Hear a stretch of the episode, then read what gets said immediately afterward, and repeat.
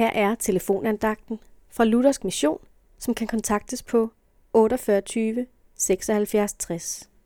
Andagtholderen i dag er Åse Larsen. I Esajas bog, kapitel 1, vers 18 står der, Kom lad os gå i rette med hinanden, siger Herren.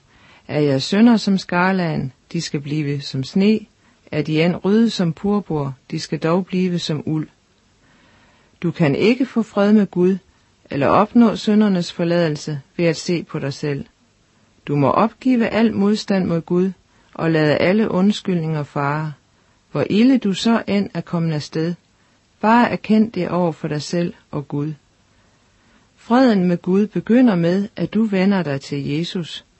Kun ved at høre om Jesus, hvad Gud har gjort for os i ham, og tilegner os Jesus stedfortrædende gerning, kan du få fred med Gud.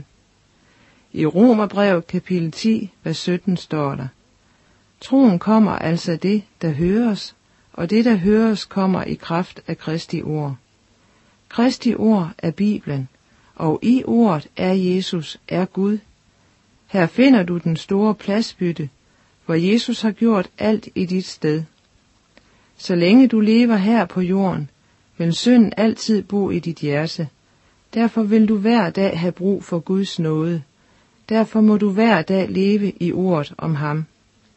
I Johannes evangeliet kapitel 14, vers 23 siger Jesus, Den, der elsker mig, vil holde fast ved mit ord, og min fader vil elske ham, og vi skal komme og tage bolig hos ham. Og videre i Johannes evangelie kapitel 15, vers 4a siger Jesus, Bliv i mig, og jeg bliver i jer. Amen.